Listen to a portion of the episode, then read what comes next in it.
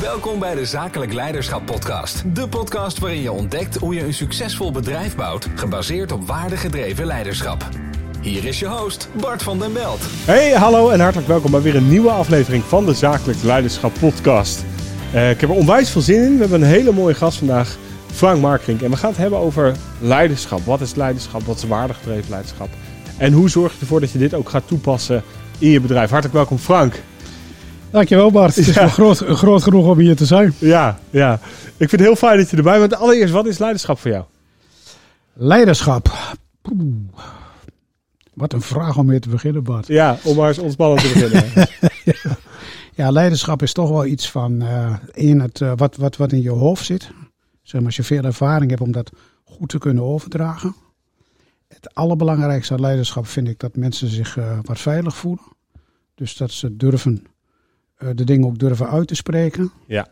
En dat je er voor hun bent, als het ware. Met daarbij toch ook wel uh, dat je nog een uitdaging moet kunnen bieden. Dus er zijn voor mensen veiligheid creëren en uitdaging bieden. Ja, en ik heb toch ook wel gemerkt, je moet ook wel een stuk visie hebben. Dus je moet ook wel aan kunnen geven met elkaar, waar gaat het nou heen? Ja. En mensen daarin meenemen. Ja. ja. ja. En wat is dan specifieke waardegedreven leiderschap voor jou? Waarin onderscheidt dat zich van gewoon operationeel leiderschap, een team ergens naartoe brengen? Is toch dat mensen met je uh, mee willen gaan. Dus dat ze de waarde als het ware onderschrijven. Dat ze niet plat voor het geld gaan, maar dat er iets is van samenwerking met elkaar. Ja. Uh, commitment, een beetje, beetje dat. Ja. dat. Dat vind ik ja. heel belangrijk. En dat komt voort uit een gedeelde waarde hebben. Ja, ja. Dat, is, dat is heel belangrijk. Ja. Voordat we het gaan hebben over je professionele carrière. Je hebt een accent, waar kom je vandaan? Ik kom uit Twente. Ja, nuchtere Dat is helemaal niet te horen. Nee, jongen. Nee, nee. Leuk dat je het zegt ook. ik heb ooit nog eens met, ik word wel eens met uh, Quaracet met Herman Vinkers uh, vergeleken. Ik heb ook nog met hem op school gezeten op de sociale academie. Echt waar? Oh, ja. wat grappig. Ja, we grappig. hebben elkaar niet ontmoet verder, maar ik heb hem toen wel eens gezien, ja. Ja, ik Ja. ken je als iemand die heel nuchter is. Ja. Je hebt een achtergrond op sociale academie. Hoe ben je ooit bij KPMG terechtgekomen? Um, via een headhunter. Oké. Ja, ik zat bij uh, Defensie. Dat heb ik voor KPMG gedaan een aantal uh, jaren. Ook een prachtige club trouwens. En vervolgens uh, belde mij een headhunter op van, uh, zou KPMG iets voor je zijn? En toen dacht ik, ja, die wat suffige accountants. Toen zei hij tegen mij van, die lui van KPMG zeggen, wat moet je nou met een ambtenaar? Misschien is het goed dat je je oordeel eens wat uitstelt en eens met elkaar aan de praat gaat. Ja. Over waardegedreven gesproken. Ja, ja. Dus er zijn hele leuke gesprekken geweest. En zo ben ik als personeelsfunctionaris bij KPMG uh, begonnen. Ja. Ja. Mooi. En, en uh, uh, je bent uh, daar uiteindelijk weggaan als, als director. Ja. Hoe, hoe is het, welke stap heb je daarin gezet? Um, Want KPMG, voor iedereen die luistert, die weet wie, wie dat is, die denkt gelijk aan de A9 waar je dan langs het gebouw rijdt. Ja, klopt. waar je een broodje kunt eten voor je daar langs bent. Ja, zo, ja, zoiets. ja, Ja, ja. het is natuurlijk een, een heel hoogstaand kwalitatief club. Ze hebben een uh, dus accountantstak en ik heb in de, in de, in de adviestak gezeten. Ja.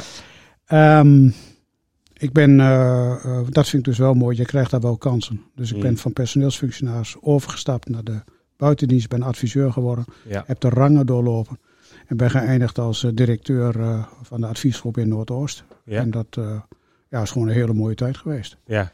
En je zegt, ik heb de rangen doorlopen. Is dat dan ook een hiërarchische organisatie? Ja, het is heel hiërarchisch. Ja, dat is het.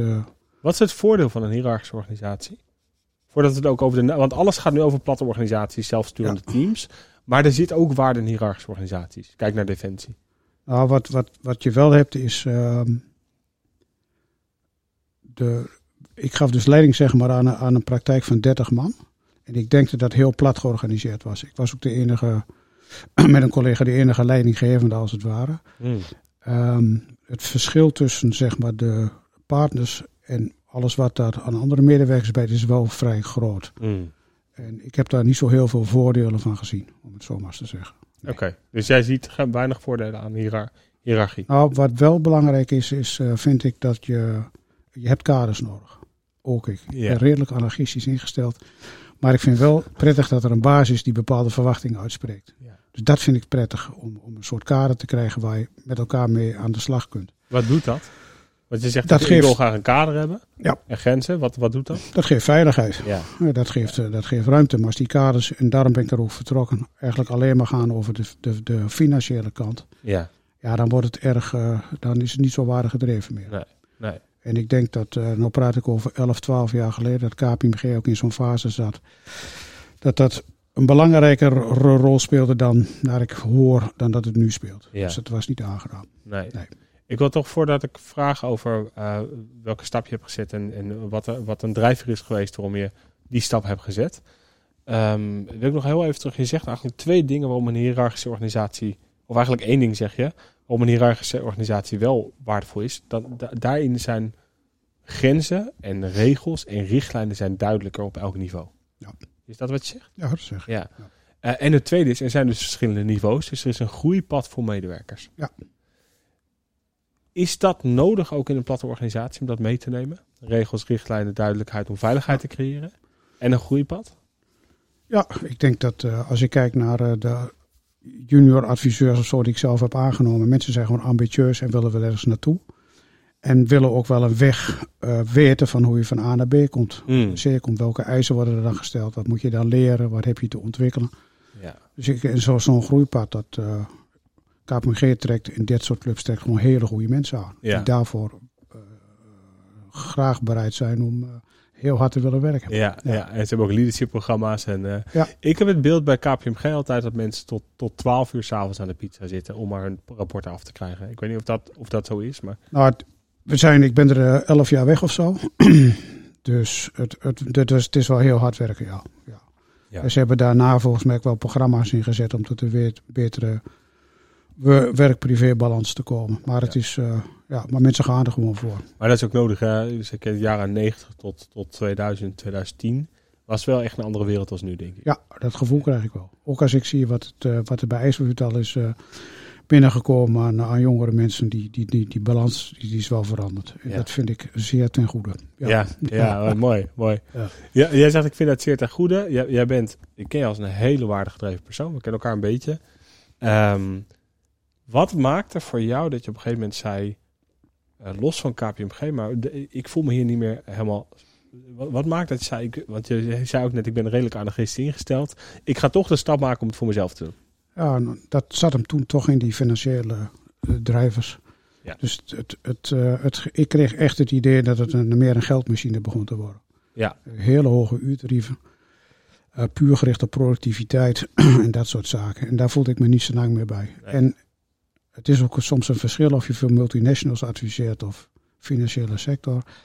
Wij wilden met degene die met mij mee zijn gegaan naar, uh, naar IJsselvliet graag het verschil maken. En dan met name in de middenmarkt. Dus Ja. we wilden ondernemers adviseren. Maar het gevoel, en volgens mij klopt het ook wel, dat je daar het verschil meer maakt dan bij multinationals. Nee, ja, bij multinationals zit je in een corporate omgeving en Ja. is er dus een heel politiek spel altijd aan de gang. Ja. Eh, en dat, dat, is, ja, dat horen wij heel veel, ja. Ook. Ja, en het is ook een verschil. Bij multinationals praat je bijna alleen met stafafdelingen, zeg maar. Terwijl in de middenmarkt heb je het met de ondernemer zelf. En de dus ook de directe beslissing nemen zonder twaalf lagen door te hoeven. Ja, klopt. Ja, ja, ja. Dat is, uh, dus je maakt gewoon meer impact. ja. En, En, zei, is- het gaat niet alleen over, over... eh, De reden dat ik ben weggaan is dat het veel over geld ging. Ben ik toch even benieuwd, want er zijn veel ondernemers die luisteren... die gewoon, weet je, die gewoon een omzetuitdaging hebben. En die wel wat te leren hebben van hoe zij denken. Wat kunnen wij uit, uit, uit het stuk wat er positief aan is... en hoe ze denken in, in omzet genereren? Je bedoelt KPMG? Ja, Nou, wat, wat het. eh, het- ze hebben een, een, een hele eh, sterke basis in de accountancy liggen. Hè. Dat is, eh, ze hebben, hebben markt gekozen. ja, dat is een repeterende omzet. Ja. Daarnaast heeft het een, een, een, een- echt een hele goede naam in de markt. Ja, Dus acquisitie vanuit KPMG is, eh, heb, heb, heb ik nooit zo ingewikkeld gevonden. Omdat het, het is een enorme kwaliteitsnorm. Ja. Daar ben ik ze ook dankbaar voor. Want toen wij met IJsselvliet zijn gestart. En je vertelt dat je van KPMG komt. Is kwaliteit geen issue. nee. Dat is gewoon, dus daar, daar ben ik ze. Dus ik denk dat ze ook drijven op eh, productvernieuwing, op, op die kwaliteit eh, van, van de aanpak en de mensen. Ja, Ja. ja, ja. Ja. Dus je zegt eh, wat belangrijk is voor de ondernemers die luisteren, die zeggen ik wil mijn omzet verhogen. Hè? Bij, de- bij MKB Canvas hebben we het altijd, ofwel je moet je omzet verhogen of je organisatie verbeteren. In Oranje Cirkel zeggen ze dus ze hebben een goede naam. Ze hebben een goede propositie. Ze hebben, ze hebben ehm, een, een machine die repeterend geld, geld Ja. genereert omdat ze repeterend waarde leveren. Ja. Ja. En toen ben je de stap gemaakt naar IJsselvliet.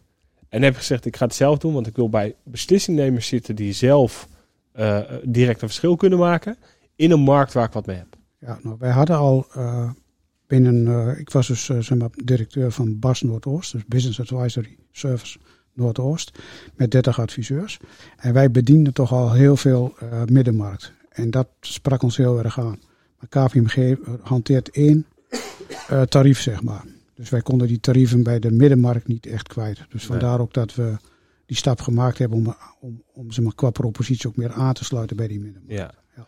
En uh, um, als je nou kijkt, hè, want je hebt, je hebt uh, zowel in corporate gezeten als twee keer dus een bureau opgebouwd, als één keer Business Services Oost en één keer IJsselvliet.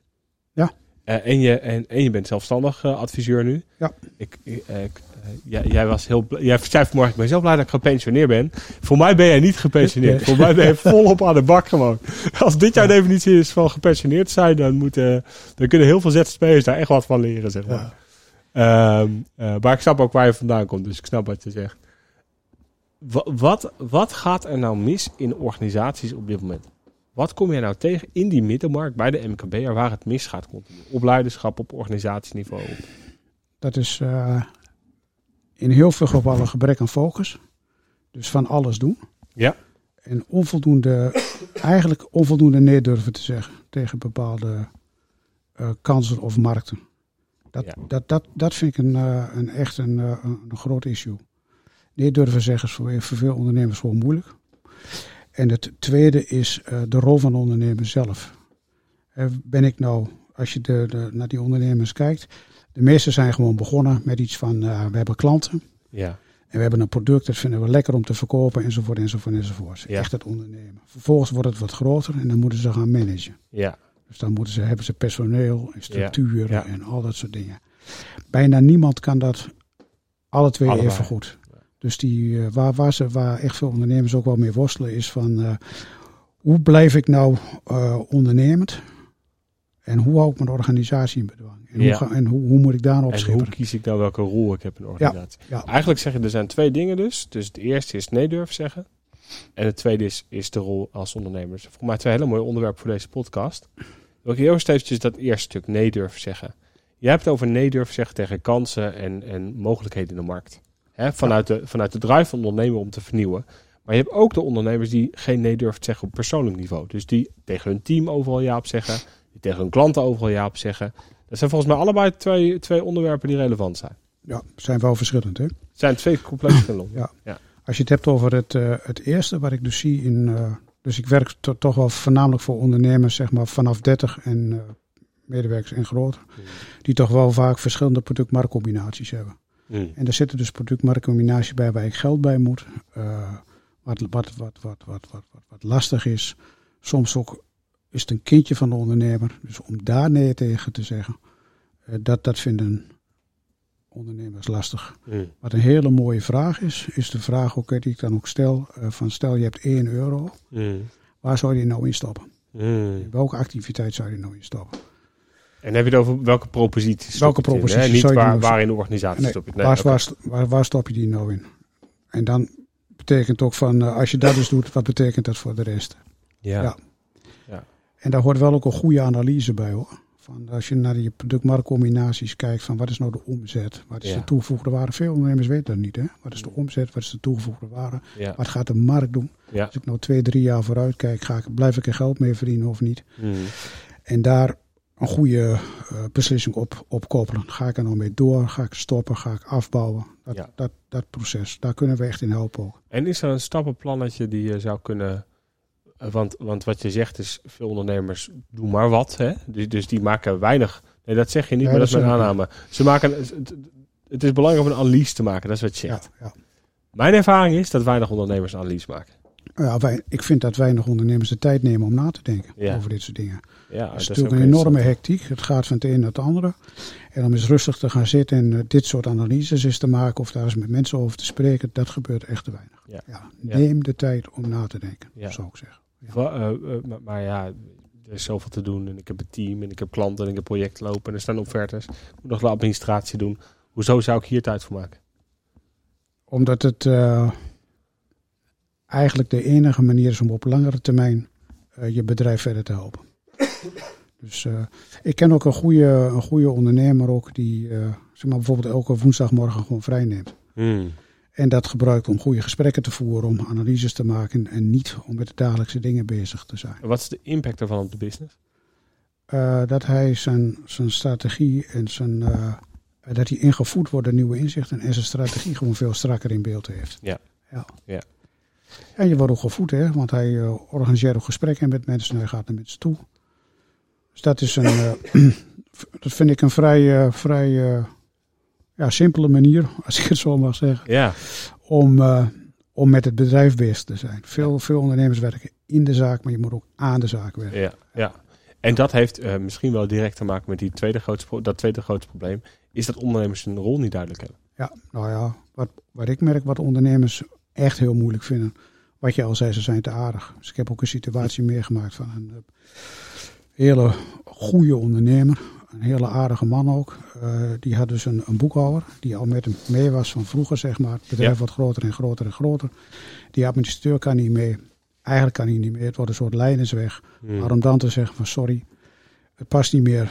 Hè, het moet weg. Dat, dat, dat vinden ondernemers heel moeilijk. Dat Ja. begrijp ik ook wel. Is dat waardegedreven leiderschap om iemand uh, mee te nemen? Nee, Ook als hij niet meer functioneert? Nee, vind ik niet. Wat is waardegedreven leiderschap in dit geval? In dit geval is, uh, want het wordt een, uh, uh, dat was ook zo, het dreigt een mattelgang te worden. Exact, beide ja. partijen weten wel dat dit uh, heel moeilijk wordt. Dus probeer nou een, uh, of in je bedrijf een andere oplossing te vinden, of koop die waar dan ook af en bied Ja. een prachtige regeling aan en dat iemand een andere kans krijgt. Ik noem dat een veilige exit. Ja, maar worstel niet door. Dat, dat, Nee. dat zie ik veel gebeuren. En dat zie je veel gebeuren bij leveranciers. Dat zie je gebeuren bij klanten van ondernemers. zie je gebeuren bij teamleiders van ondernemers en van partners van ondernemers. Je ziet dat, ik, zie dat, ik zie dat herhaaldelijk zie ik dat gebeuren. Oké. Dat, dat ondernemers mensen maar meenemen omdat ze het sneu vinden om er geen afscheid van te nemen. Ja, of Terwijl, dat, terwijl gun mensen het afscheid, zeg maar. nou ja, wat je veel ziet is dat eh, de mensen met de grootste bek in een organisatie, echt een beetje de vechtersbazen, veel te veel ruimte krijgen. Mm. Hè, dat die niet worden eh, teruggezet in hun hok, dat die veel eh, energie kosten ook, omdat de ondernemer daar veel tijd aan besteedt. En, en eh, kun je die minder ruimte geven als je een hele platte organisatie hebt? Want dat zijn vaak de informele leiders, hè? Ja. Dus die hebben geen formele rol, maar roepen heel hard. Dus daar gebeurt heel veel. Ehm, kun, je, kun je die in een platte organisatie ook, ook hun ruimte inperken? Ja, dat denk ik wel. Dat moet je dus als ondernemer eh, eh, grenzen stellen. Dus tegen zo iemand te zeggen van tot hier niet verder en we stoppen en dat ook duidelijk maken. En ophouden er heel veel aandacht aan te besteden. Ja. En ze eigenlijk te belonen voor dat gedrag wat ze tonen. ja. Ja. Eh, waarom ik dat vraag is, wij, ik doe het even vanuit de context secure-based coaching. Voor, dit, voor deze opname hebben we het daarover gehad. Ja. En jij refereert net al aan veiligheid. Ehm, eh, dit, dit, de, de informele leiders hebben een grotere kans om onveilige werksituaties te creëren. Onveilige sociale veiligheid, Ehm, of o- ja, onveilige situatie. De, de, maar het zijn wel vaak de mensen die performen. Het zijn Ja. mensen die vaak een rode gedragsstijl hebben, daadkrachtig zijn. Ehm, hoe zoek je dat spanningsveld op tussen iemand indammen, maar wel zorgen dat hij blijft performen? Dat is een hele moeilijke vraag. Dit, eh, dit, dit, Gelukkig. Ja, ja, maar dit, dit komt natuurlijk veel voor, hè? ook in de advieswereld. Waarin zeg maar de partners, of wat je nu ook leest in de, in de advocatuur, dat de partners met de meeste omzet, weet je wel, toch eh, en niet de meest eh, collegiale houding erop nahouden. Hè? Mm. Hoe dam je dat in? ja, ik, ik denk dat dit echt alleen maar kan door grenzen te stellen. Door gewoon te zeggen tegen die mensen van dat moet stoppen. Mm. En als er geen bestuur zit of geen directeur zit die die grens durft te stellen, uh, dan gaat het, dan werkt het niet. En mijn ervaring is, als je zo'n grens wel durft te stellen, bijvoorbeeld op een, uh, bij een MT of door een teamleider terug, te, terug te zetten, dat, dat kan helpen. Vaak, maar dat even de andere kant, vaak weten die teamleiders of, of, of leidinggevenden die zo bullebakkerig Ja, bezig zijn, Weet precies. eh, ook soms helemaal het effect van hun handen niet. nee. Want ze zijn er nooit op aangesproken. Mm. Dus ze schrikken zich soms ook, uh, ook een hoedje als, uh, als ze horen van uh, wat het effect is. Ja. Dus het begint wel bij dat gesprek heel strak en goed te voeren. Ja. Van, weet je wat het effect is? Wil je dit nou? Vaak zit er ook enorm veel onzekerheid achter. Weet je. Ja. Dan heb je dus een categorie waarvan ik denk van nou, Deze mensen willen reflecteren. Ja. Dus die zijn bereid.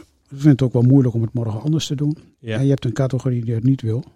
Zeg maar de categorie van ik ben oké, jij bent niet oké. ja. Die passen gewoon niet. Eh, dat is wel grappig, want, want wa- waar ik over nadacht toen je dit zei, je zegt er zijn twee, twee groepen. De groep die wil reflecteren en de groep die zegt, hé, hey, eh, ik- bemoei me niet mee. De, de eerste wat ik dacht, er zijn twee reacties. Eerste reactie is rebelleren. Tweede groep, Rebelleren? rebelleren. Ik ben het er niet mee eens, ik doe mijn eigen ding in Ja. deze organisatie. En de andere reactie is, ik krijg respect voor de ondernemer of voor de leider. En dus wil ik mij onder de autoriteit van anderen stellen. Ja, nou dat zou kunnen. Ik zou, als ik, laat ik het anders zeggen, als, als wij, we hadden in het verleden hadden wij business coaches eh, die voor onze organisatie zelf werken. Dus niet zelfstandig aangesloten coaches zoals we nu hebben, maar gewoon eh, mensen die rechtstreeks voor onze organisatie werkten en nieuwe, nieuwe teamleden. De eerste vraag die wij stelden is, wil je op evenementenboek, evenementenboekjes klaarleggen? En daar zagen we heel snel wat voor vlees we in de kuip hadden. Hoe ze het deden en met welke houding ze het deden. Ja. Ja, en, en, ehm, ehm, en daar wordt gelijk de vraag gesteld: durf je. Ik, ik was daar dan de leider, zeg maar. Ik zei: Zo willen we het. Of, of Grina, onze eventmanager, afhankelijk wat er gebeurde. En, maar, de, maar de zoektocht was: durf je onder mijn autoriteit te stellen? Want ik ben hier de baas. En ik wil voor jou zorgen, maar dan moet je wel voor je laten zorgen. Ik denk dat het meer de vraag is, Bart, van past iemand of past iemand niet? Dus jij verwacht in zo'n situatie, denk ik, mensen die de handen uit de mouwen steken, die die boekjes klaarleggen, die dat gewoon willen doen. Dat, dat, dat is de manier waarop jij eh, Dat is het praktische stuk. Maar ik vraag, me, vraag me ook af: doet iemand het met een glimlach en met plezier? Ja, maar dat bedoel ik. Ja, ja. Ja. dus wil iemand zich eraan kof. Dus past iemand in de cultuur zoals jij hem uitdraagt? Ja. Eh, of past iemand niet? Nou, in dit geval, als je het hebt over eh, bullenbakken of, of dat soort gedrag. eh, als je natuurlijk als organisatie bepaalde waarden hebt geformuleerd. En die, vaak in familiebedrijven is dat, be- is dat best goed van elkaar. Mm. En iemand houdt zich daar niet aan. Dan is de vraag, vind ik, van is iemand daar reflectief? En als je die boodschap krijgt, wat het allemaal doet. En die is hij dan bereid om te leren Ja, dan is er hoop. ja. Op het moment dat hij dat niet is en zit een beetje in de psychopatenhouding, zeg maar, van Ja, ik ben oké, jij bent niet oké, ja, maak er een einde aan. ja. Echt. Ja, zo snel mogelijk. Uit, uit, want het, het woekert en het levert je misschien op de korte termijn eh, levert je profit op, maar mensen gaan weg. Dat kom ik zo echt veel bedrijven tegen, mensen gaan weg of worden gedemotiveerd of vluchten in ziekte. Ja. En pak dat probleem dus aan op het niveau eh, waarop het thuis hoort. En dat is vaak bij dat soort leiderschap. En eh, dat is mooi als je een ehm, ondernemer hebt die vrij directief is. Hè, die kan dat doen, die ziet het al gebeuren. Die zitten... Maar je hebt ook de ondernemers die gewoon 100% meewerkend voorman, voor vrouw blijven en zijn. Ja. Die hebben daar een grotere uitdaging mee, omdat ze één niet reflecteren. En, en twee, omdat ze het moeilijk vinden om dat gesprek aan te gaan. Want Ja. ik ben toch je collega. Klopt. Wat zou je hun adviseren? Ja, dat is, dat is, eh, daar, is, daar is gewoon heel veel moed voor nodig. Ja. Ook omdat ze zich vaak in het hoofd halen van ja, maar dan meldt hij zich ziek of dan gaat hij naar de concurrent of dan er zit er heel veel angst bij. Hè? Ja. Ja, de, de, ja, goed afwegen wat de voor- en nadelen zijn Ja. en, en wat op de korte en lange termijn de effecten zijn. Eh, ja, en je kunt in dit soort gevallen er ook wel eens een, eh, een ex- externe bij halen om dat gesprek te begeleiden. Ja. Ja, dus Maar- aan te geven van eh hij kan zo niet verder, ik wil er wel graag met je uitkomen. Ja. Maar dan krijg je een soort mediation-achtige Ja. setting. Wat, wat doe je nou als je een ondernemer hebt die meewerkend voorman is? Dus eigenlijk wat, wat de eerste scenario wat je beschreef. Hè? Ondernemer is gestart met zijn bedrijf. Bedrijf groeit, doet alles zelf. Komt een teamlid bij die ondersteunt, nog een teamlid. Eigenlijk de, de vijf fasen van zakelijk leiderschap. Zoals in volgens mij podcast 2. Vol- Podcast 1 mocht je het leuk vinden om terug te luisteren. Eh, hoe ga je die mensen nou verder krijgen? Ehm, hoe ga je die mensen uit de rol van, van uitvoerend persoon krijgen en in de rol van leider van je bedrijf. Ja. Wij noemen dat, hoe maak je de switch van bedrijfsleider met een lange ei naar bedrijf- bedrijfsleider met een korte ei? De vraag is natuurlijk wat de ondernemer zelf wil. Daar begint het. Mm. Ik heb een situatie wel meegemaakt wat, eh, van een vrij snel groeiende club. Maar waarbij de, de, de ondernemer echt erbovenop zat. Mm. Terwijl zijn mensen onder hem meer ruimte wilden hebben. nou, dan is ook de vraag, maar wat wil je nou echt zelf? En die zei toen van, ik wil eigenlijk zelf blijven ondernemen, kleinschalig, start-up-achtig.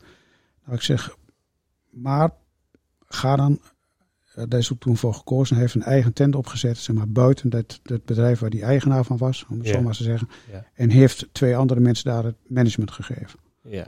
Dus hij was ook in, uh, hij is natuurlijk wel groot aandeelhouder. Hij had zoiets van, ik laat de zeggenschap daar en ik bemoei me er minder mee. Ja. Dat is één variant. Ja. Vinden ondernemers heel moeilijk. Maar het is een, dit, dit, dit kan succesvol zijn. Maar dat is dus iemand die een keuze maakt. Maar die, die maakt dan de keuze om, om het volwassen worden van het bedrijf over te laten aan het managementteam. Ja, omdat hij zegt, ik ben daar zelf een probleem. Ja. En dat, uh, dat, dat, Mooi dat je dat beschrijft zo. Ja. Ja, ja. Dat, dat is een keuze. Het tweede is van, stel dat, uh, maar veel ondernemers willen eigenlijk wel uit die rol van die dagelijkse operatie. Mm. Dat, dat is waar ik meestal tegenkom. Mm. Ja, hoe ga je dat doen? Nou, ben je dus bereid om een operationeel directeur aan te nemen. Of vaak zie je ook een financieel directeur in die fase.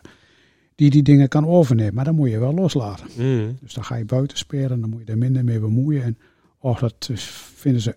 Ja, dat is vaak heel erg moeilijk. Ja, en dat heeft omdat, ze zo, omdat ze zo groot zijn geworden. Doordat ze deden wat ze goed konden. Ja, en ze zijn er hartstikke goed in. Ze doen ook veel sneller. Dus, Ja. dus dat vraagt... eh, En de kunst van het loslaten is ingewikkeld. Ja. Dat... eh, En dat je- heeft direct te maken met leiderschap. Ja, het heeft direct te maken met leiderschap. Als dat dus lukt, en je hebt er een goede mensen onder zitten, ook iemand die dat durft te zeggen tegen de baas van, uh, laat me nou maar even. Ja. En ze komen in die, in die rol dat het wat, eh, wat meer comfort geeft, dan zijn ze er heel blij mee. Ja. Mm. Ja. Ja. Eigenlijk, maar de meesten zien ook wel van, als ik zo doorga, want het leidt tot irritaties. Hè? Dus, eh, want ze, ze moeten heel veel dingen tegelijkertijd doen. Ze staan vaak ontzettend onder druk. Ja. Dus ze moeten wel keuzes maken. Dus zo'n vraag die je dan kunt stellen is van, eh, kan het zo doorgaan? ja. Kan het zo doorgaan? Kan het zo doorgaan? Nou, eigenlijk nee, want ik, wat, nou, ik, welke keuzes zou je dan willen maken? Ja, ik moet uit die operatie. Wat zou je dan kunnen doen? Hoe zou je weet je, op die Ja, manier dat ja. gesprek, hè? Maar ze echt, echt, maar dat begint dus met einddoel voor ogen hebben. Ja. Daar begint mee. Ja. Dat helder krijgen. Wat je echt, Maar echt- wat als je nou, als je nou zegt, ja, maar het zijn, er zijn drie einddoelen mogelijk en ik weet niet welk scenario ik moet hebben. Nou, dat heb ik nog niet zo meegemaakt. Ze hebben wel vaak een doel voor ogen.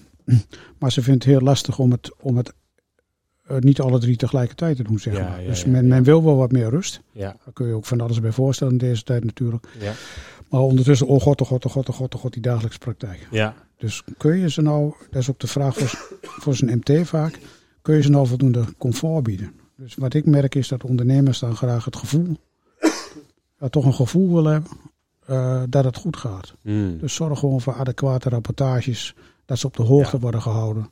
Eh, dat, ze, dat, ze, eh, zeg maar, dat die veiligheid geboden wordt. En dan- veiligheid betekent dan? Nou, voor die ondernemer dat hij weet dat de continuïteit, Ja. dat, dat het lekker loopt. Ja. Daar heeft hij behoefte aan.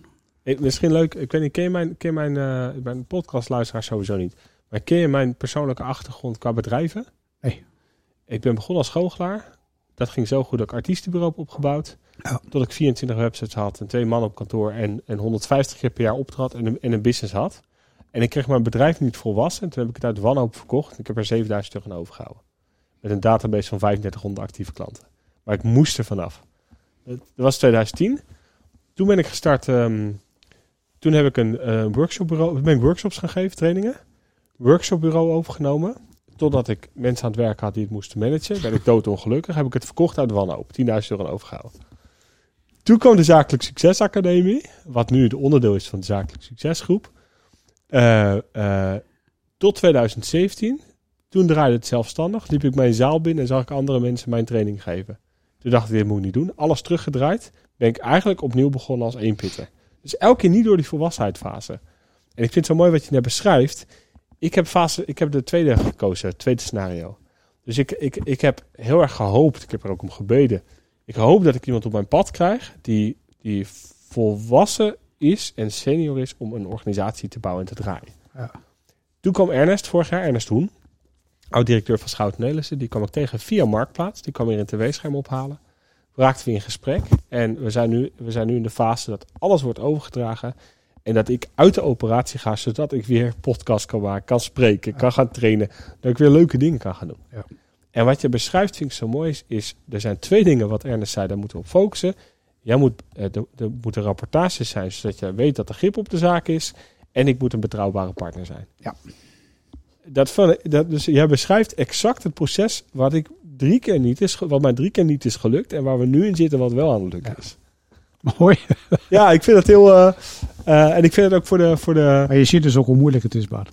Je ziet hoe moeilijk het is. Maar waarom is het moeilijk, denk je? Waarom denk je Nou, dat het voor mij moeilijk is? Je kent me een beetje. Ja, de goede, de goede eh, man er op tijd bij hebben één. die, die, die, die dat comfort geeft. Dat is één, maar het allermoeilijkste is dat ik drie keer niet heb kunnen loslaten. Ja. Ik heb, drie, ik heb drie keer ben ik de flow ingegaan van het niet loslaten, het zelf grip willen houden, het zelf alles willen doen. Oosten doet het op een andere manier.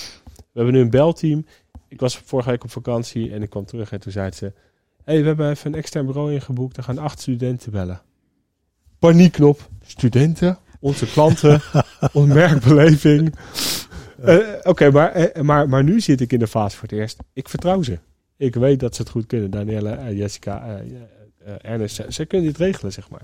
Dus ik heb dat nu losgelaten. En we zien dus nu ook dat dat loopt. En dat het goed loopt ook. En, ja, en dan is ook de vraag, hoe, hoe voelt dat nou voor jou? Hè? Dat zal toch een stuk opluchting zijn van... Nou, eh, eh, ik, zal, eh, ik, zal, ik zal best wel eerlijk zijn. Ik had wanhoop over mijn bedrijf. Gaat dit mij lukken? En ik merk dat elke keer dat, er, dat ik iets loslaat en andere mensen het, het dus kunnen oppakken, komt er hoop. hey, dit kan dus echt schaalbaar zijn zonder dat ik erbij ben. Maar ik, ik, ik merk ook dat dat voor heel veel... Want jij werkt veel met 30 plus FTE. Ja. Ik zit veel in het kleine MKB, zeg maar tot 10 FTE. speelt het nog erger, denk ik. Ja, of, of een heel groot met 4000 FTE. Dus ik zit, ik zit vaak in een van beide. eh, eh, ik, ik wil of heel complexiteit of snel resultaat. Een van beide vind ik leuke klanten. Ehm, wat wil ik aan het stellen? Dat, ik zie dat daar dus gebeuren ook continu. En, en eh, dat komt. Voor mij hadden het over vertrouwen. De meeste mensen lukt het niet om het over te dragen omdat ze anderen niet vertrouwen. Of eh, onzeker zijn, hè? Ja. Ja. Ja. Zelf de controle erop willen houden. Ze hebben het altijd gedaan. Elke steen is van hunzelf. Ja. Dat loslaten. Ja. Ja. Angst kan het ook zijn, hè? Angst voor. Nou, angst voor eh, van, gaat het dan wel goed? Angst voor dat, heeft, dat dus heeft ook vertrouwen met, met vertrouwen natuurlijk te maken. Ja. Ja, ja. Ja. Ehm, eh, waarom, ik dit, waarom ik hierop aanga zo, is omdat ik het één zelf herken. Maar ik weet dat heel veel van onze luisteraars hierin zitten. En ik weet ook dat heel veel... Het is, er is niks moeilijker om van een kleine ondernemer met nul mensen... Van nul mensen naar vijf mensen... Is moeilijker dan vijf mensen naar vijftien. Is denk ik moeilijker dan 15 naar 100. Omdat je elke keer een span of control moet loslaten. Ja, ik. Ik ben dus bij, eh, maar dat was dus bij, bij, zowel bij IJsselvliet als ook bij KPMG. We zijn toen met heel weinig mensen begonnen. Die eerste vijf, eh, wat ik, maar ik vertel nou heel stoer hoe het allemaal moet. Hè. Maar ook daar had ik natuurlijk zelf eh, de, de, eh, in, in mijn tak van sport. Hoe productief wil je zijn? Hoe? Hoe productief wil je zijn ook zelf? Wat ik heb moeten leren is ook om zelf minder productief te zijn. Dus minder Mm. omzet te genereren en veel meer mensen te helpen om op die manier met, met klanten te gaan praten, Ja. relaties te om op die manier mensen weg te zetten. Dat was voor mij ook wel een lastig traject hoor.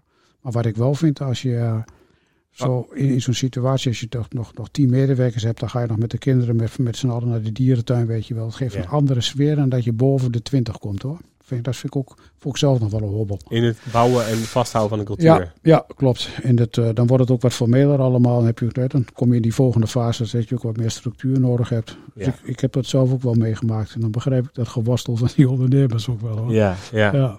Ja. want ehm, wat vond jij zelf lastig in die periode toen? Ik vond het lastig om dus zelf... eh, ik moest aan de zaak werken, niet meer in de zaak. Ja, En dat vond ik lastig. ja Dus maar, dat is op uiterlijk niveau. Maar wat gebeurde er binnen waardoor dat lastig was? Eh, dat is gewoon eh, geld willen voorzien, jagen productiviteit, omzet. Zeg maar de, de directe takers. Ja, ik vind het zo mooi. Jij praat over targets en jagen. Voor mij, beste luisteraar, zit een hele nuchtere Twentenaar, zeg ik dat goed? Die, eh, die, eh, die, eh, die zeer ontspannen en relaxed oogt en eruit ziet alsof hij net van drie weken Zuid-Frankrijk afkomt. Ik weet dat het niet zo is, maar een hele ontspannen man. En ik vind het zo mooi dat jij zo targetgericht bent. Want je, bent echt in staat om een hele korte tijd heel veel resultaten te realiseren. Dat, dat was wel zo, ja. Hoe doe je dat zonder op te branden?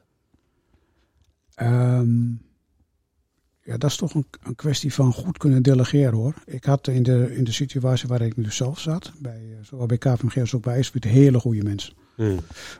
Echt, echt top. Dus je kunt heel veel delegeren. Daar ben ik ook goed in. Ja. Ik kan heel veel ballen tegelijkertijd in de lucht houden. En dat, eh, ja, dat goed coördineren. En wat ik, wat ik heb geleerd, een van de dingen waardoor ik, uh, nou, men vindt wel, wel dat ik het aardig goed gedaan heb, is een van de dingen, ik kon, ik kon op een gegeven moment echt accepteren dat andere mensen beter zijn dan ik. Ja. Dat, dat is heel fijn. Dus dat je denkt Ja. van, het, het is daar beter dan dat ik het zelf doe. En wat is voor nodig om daartoe te komen? Dat je dat accepteert? Zelfvertrouwen. Ja. Als je maar goed in je vel zit, je bent van jezelf, eh, ja zeker Maar- dat, het, dat het klopt, dan, eh, dan, dan durf je dat te doen. Maar je zegt zelfvertrouwen, maar dat is, dan, dat is dan niet alleen algemeen zelfvertrouwen over... Ik zit lekker in mijn vel, vel en ik heb een goed zelfbeeld. Maar het gaat er ook over, over ehm, het, eigenlijk het allokeren van je talenten. Ja. Dus ik weet dat ik hier heel goed presteer en ik wil van een 7 een 9 maken. En hier presteer ik minder, ik ga niets van een 4 en 6 maken. Nee. En daar keuzes in maken, ook in wat is mijn talent en ga ik me daarop focussen. Ja, en dus andere mensen inzetten op de dingen die je zelf minder goed kunt. Ja, En het niet Ja. meer van jezelf hoeven te vinden dat je alles goed kunt. Dat, is, dat vind ik echt een grote valkuil. En daar hebben meer maar mensen hoe kan het dat de meeste ondernemers dat niet voor elkaar krijgen? Dat heeft mij dus, dat maakt, dat maakt wat je nu vertelt, maakt dat ik nu hier ben in de fase waarin voor 1 juli alles is overgedragen aan mijn team. En dat ik ook zie dat het gebeurt, zeg maar. In de afgelopen maanden, ik zie dat het gebeurt, stap voor stap. Ehm, het is altijd heel makkelijk om achteraf te praten. Zo, hè, ik, ik had me voorgesteld, zo ga ik het dan vertellen op mijn seminar straks en zo, hoe het is geweest. Maar het is veel interessanter ook als het erin zit. Ik zit daar nu, eh, eh, wat ik daarmee bedoel is, ik zit daar nu in en ik heb nu die worsteling. Ja. Ehm,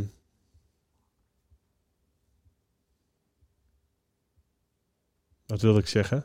Waar hadden we het over nu? Je zit, zeg maar, is het dan in die, in die transitie dat je eh, eh, wat je nu echt eh, heel graag zou willen, dat wil je voorzetten. En het idee van waar ik dus niet zo goed in ben, daar schakel ik anderen op, op, Oh ja. op aan. Hè? Ja. Het, het allokeren van talenten. Ja. Wat is er voor nodig om te kiezen om dingen niet meer, goed- niet meer te doen waarvan je weet dat je minder goed in bent? Het is natuurlijk wel dat je dan. Het is handig als je enig comfort hebt. Dus dat je kunt. Financieel. Ja, of Ja. financieel. Dat je kunt zeggen van nou, daar, daar, daar brand ik mijn vingers niet meer af. Dat kost me energie of daar heb ik geen zin in. Ja. Dat, Ja. vind, ik, dat vind ik een hele. En omdat er cashflow is waarvan je weet dat het betaald kan worden. Ja. Dat, dat, dat is een hele prettig. Tweede stuk, je moet mensen hebben waar je het aan kunt uitbesteden. Ik heb altijd in de luxe positie gezeten. Dat ik met hele goede mensen heb kunnen werken. Waarbij dat voorhanden was. ja. Maar die zijn er. Die zijn er. Dus je zegt zo'n luxe positie. Dan hoor ik gelijk al een aantal ondernemers denken: ja, arbeidsmarkt moeilijk, moeilijk. Ja. Nee, ze zijn er. En de vraag is of je aantrekkelijk genoeg bent om mee samen te werken. Nou ja, dat is natuurlijk het, eh, het item op dit moment. Ik bedoel, Ja. ja, ja het, is een enorme krapte, het is een enorme krapte op de arbeidsmarkt. En daar ben ik je dus weer terug bij de, bij de allereerste eh, vraag van... eh, als die krapte er is, moet je dan alles blijven doen? Hmm. Of moet je juist de dingen gaan doen die, die focus geven... waardoor je wat, mensen, wat makkelijker mensen kunt, kunt gaan aantrekken? Ja. Ja. Ja. En ook, dat geldt zeker voor, eh, voor tukkers en zo. Zorg ook voor dat je gewoon bekend bent. En dat je je sterke kanten laat zien. Ja. Daar ja. hebben ze in onze streek nog wel eens wat moeite mee. Tukkers, Friese, vinden het allemaal. Ja, ja. Ja. ja. ja. Ik zit te denken, hoe heet het ook weer? Nobberschappen, toch? Dat is bij jullie. Ja, het Noorberschap. Het Nobberschap gaat over, voor de mensen die niet weten wat het is. Het gaat over, we zijn met elkaar, we zijn buren. En de- we, we, we- doen dit samen als gemeenschap. En dan zeg ik dat goed zo? Ja, dat zeg je goed zo. Dus je zorgt zeg maar voor elkaar. Dus je hebt in, eh in Hardenberg en nog wel wat omgeving heb je ook clubs die eh, dat Noorberschap heel sterk hebben. Dus Ja. geen, geen echte concurrentie, geen haatjesgedrag, maar Ja. met elkaar eh, de markt op leren van elkaar. Elkaar een beetje vasthouden. Dat, dat is Noorberschap. Hoe zou je dat kunnen implementeren in organisaties? Waar jonge mensen competitief met elkaar werken? Dit hangt, hangt dus ontzettend af van de eh, cultuur van de organisatie. Als je natuurlijk, neem even een zakenbank. Dat, die, die bestaan bij competitie. Hmm. Daar zitten een bepaald soort mensen in en die bestaan bij competitie en, en, en verdienen daar ook een hoop geld mee. En ik denk dat het oké is. Dus als je een cultuur hebt die op haantjesgedrag zit, die heel competitief is, dan gaat dit niet werken, denk ik. Hmm. Als je dus een cultuur hebt waarbij eh, dit Noorberschap, dat echte samenwerken, eh, en mensen vinden dat prettig en die, die veiligheid moet er zijn, eh, ja, dan, ja, ik, ik, het klinkt misschien heel flauw, maar het, het, het goede gesprek is dan heel belangrijk. Hmm. Dus breng, organiseer iets waarbij je met elkaar in gesprek gaat over de samenwerking. Wat heb je nou aan elkaar? Hoe kun je prettiger met elkaar samenwerken? Zorg ook dat het, dat geeft mensen ook vaak een, ja, dat is gewoon prettig als er Mm. geen gedoe is. En zorg ook dat het direct eh, voordelen te behalen zijn. Dat Ja. je direct zeg maar, dingen verzint waarop het ook eh, eh, in gang kan worden gezet. Ja, en waarop mensen ook zelf er beter van worden. Ja, Als ze het in gang zetten met elkaar. Ja, dus geen hooggolven verhalen, maar zoals het dan zo mooi heet, breng het hart, het hoofd en de handen bij elkaar. Ja, ja, Organiseer iets dat ze met elkaar aan de praat zijn en meteen dingen kunnen gaan doen. mooi. Ja. Hadden we het voor de podcast ook al even over met elkaar. Dus, eh, als je het nou hebt over cultuur, en dan gaan we richting een afsluiting zo. Ehm, ik ga hem helemaal plat slaan. Kun je, wat, wat, wat zijn de drie stappen om tot een goede cultuur te komen? Ik weet dat er veel, veel verdieping in zit. En veel Ah, details. Maar als je drie zou noemen. Dan zou ik, er, eh, dan zou ik noemen voorbeeldgedrag, voorbeeldgedrag en voorbeeldgedrag. Voorbeeldgedrag, voorbeeldgedrag, voorbeeldgedrag. Ja, dat vind ik de allerbelangrijkste. Uiteindelijk, eh, ik heb dus eh, echt 30, 30, 30, 35 jaar ervaring in het organisatieadvieswerk. Ik Ja. heb veel gewerkt met, met een briljante financieel adviseur ook. We hebben veel strategietrajecten gedaan. Ja, En al die zaken, leiderschap is echt, ja, echt waar het bijna altijd om draait. ja. En dan is voorbeeldgedrag is een, eh, is een hele belangrijke. En het tweede vind ik, organiseer het zo dat mensen daadwerkelijk met elkaar aan de slag kunnen. Dus geen hoge verhalen, maar hou het praktisch, maak het in kleine stapjes, doe het voor. Weet je. Dat, dat soort, eh, dat mensen daadwerkelijk resultaat zien van, Het is wel mooi dat je dat voorbeeldgedrag er zo uitlicht. In dat MKB Canvas hebben we in het midden hebben we leiderschap staan. ja, En dan zeggen we drie stappen. Visie, kernwaarde, voorbeeldgedrag. Ja. Eh, eh, maar, maar jij staat eigenlijk voor... Dat, dat visie en kernwaarde is allemaal mooi. Maar als er geen voorbeeldgedrag is, heb je niks aan de eerste twee. En, eh, maar visie houdt natuurlijk in, een goede visie is inspirerend en is ook realistisch. Ja. En dat is weer voorbeeldgedrag. Ja. Dus ik heb in het verleden bij organisaties gewerkt waarbij er enorme targets eh, werden neergelegd die eigenlijk niet realistisch waren. Ja, Ja, dan kan daar wel iemand staan met zo'n verhaal en denk je, ja, dit, dit, weet je, dat heeft heel veel met elkaar te maken. ja, In goed voorbeeldgedrag, daar zit dus bij dat er een realistische visie is. Daar zit bij dat een leider zich kan verplaatsen in de situatie van werknemers. ja, Wat, wat, wat raakt nou? Waarom gaan ze mee? Die kan het fatsoenlijk organiseren of laten organiseren. En die zetten goede mensen op de goede plek. ja, Ja, dat is, eh, ja. dat is het wel, denk ik. Mooi. Ehm, is er iets wat we hebben gemist in dit gesprek? Ik vond het een heel tof gesprek trouwens. Ja, ik ook. Ik vond het heel leuk. Ja, vast wel, Bart. ja, we kunnen nog alle kanten op. ik, vind, ik vind het wel... Misschien hadden we nog wat meer voorbeelden kunnen noemen. Want het is, het is eh, ook wel wat, wat tegeltjes, tegeltjes wijsheden. Maar ik hoop dat, ik wat, eh, dat we met elkaar wat, wat praktische... Ja, Dat we ook wat praktisch hebben kunnen invullen. ja ik, vond, eh, ik vond het heel mooi. Ik vond het mooi dat het ging over waardegedreven verleiderschap. Ehm, eh, dat we ook dingen concreet hebben kunnen maken. En, eh, en Oh ja, mag ik nog eentje noemen? Ja, zeker. Ja, tuurlijk. Wat ik... ik heb het Helling Instituut gedaan, dus het, het werken met opstellingen. Ja, Als ik iets heb geleerd wel, is dat je bij een bepaald probleem, dat je heel goed moet kijken wat zit nou achter als het een gedragssituatie is. Hè? Wat zit er nou achter dat probleem? Mm. En wat, wat ik tegenwoordig meer doe, is het werken met opstelling. Omdat het dus goed, goed met elkaar is eh, eh, te verkennen. Dus dat, dat hadden we nog even kunnen benadrukken. Dus, dus, dus als we het hebben over leiderschap, kijk naar wat de contextuele factoren zijn bij dat leiderschap en hoe die zich tot elkaar verhouden. Ja, precies. Dat- en, en, ja. en zet mensen op de vloer en speel het eens uit. Ja. Het is gewoon een, eh, een hele mooie aanvullende... Dat is bijna een podcast op zichzelf. Daar kunnen, daar kunnen we denk ik al twee podcasts over. Nou, ik, laat ik laat me graag op uw Bart. ik vond het onwijs tof. Hey, eh, ongelooflijk bedankt dat je hier was. Graag gedaan. Ehm, en mocht je dit nou hebben geluisterd en je vindt het inspirerend. ehm, ja, je hebt geen website hè Frank? Nee, ik, eh, dat heb ik allemaal niet meer nodig, Bart. Nee, nee. Eh, dus connect absoluut niet met Frank Markwink op LinkedIn. Eh, kijk vooral eh, daar niet naar, eh, naar zijn LinkedIn profiel. Maar ik wens je, ehm, ehm, ik hoop dat je wat aan hebt gehad. En ik hoop dat je heeft geïnspireerd om het beste uit jezelf en uit je bedrijf te halen. En een verschil te maken voor de mensen die je tegenkomt. Ga aan je bedrijf werken, niet in je bedrijf. Creëer veiligheid. ehm, en zorg ervoor dat je helder hebt wat je rol is. Maak er een mooie dag van en ik hoor je graag de volgende keer.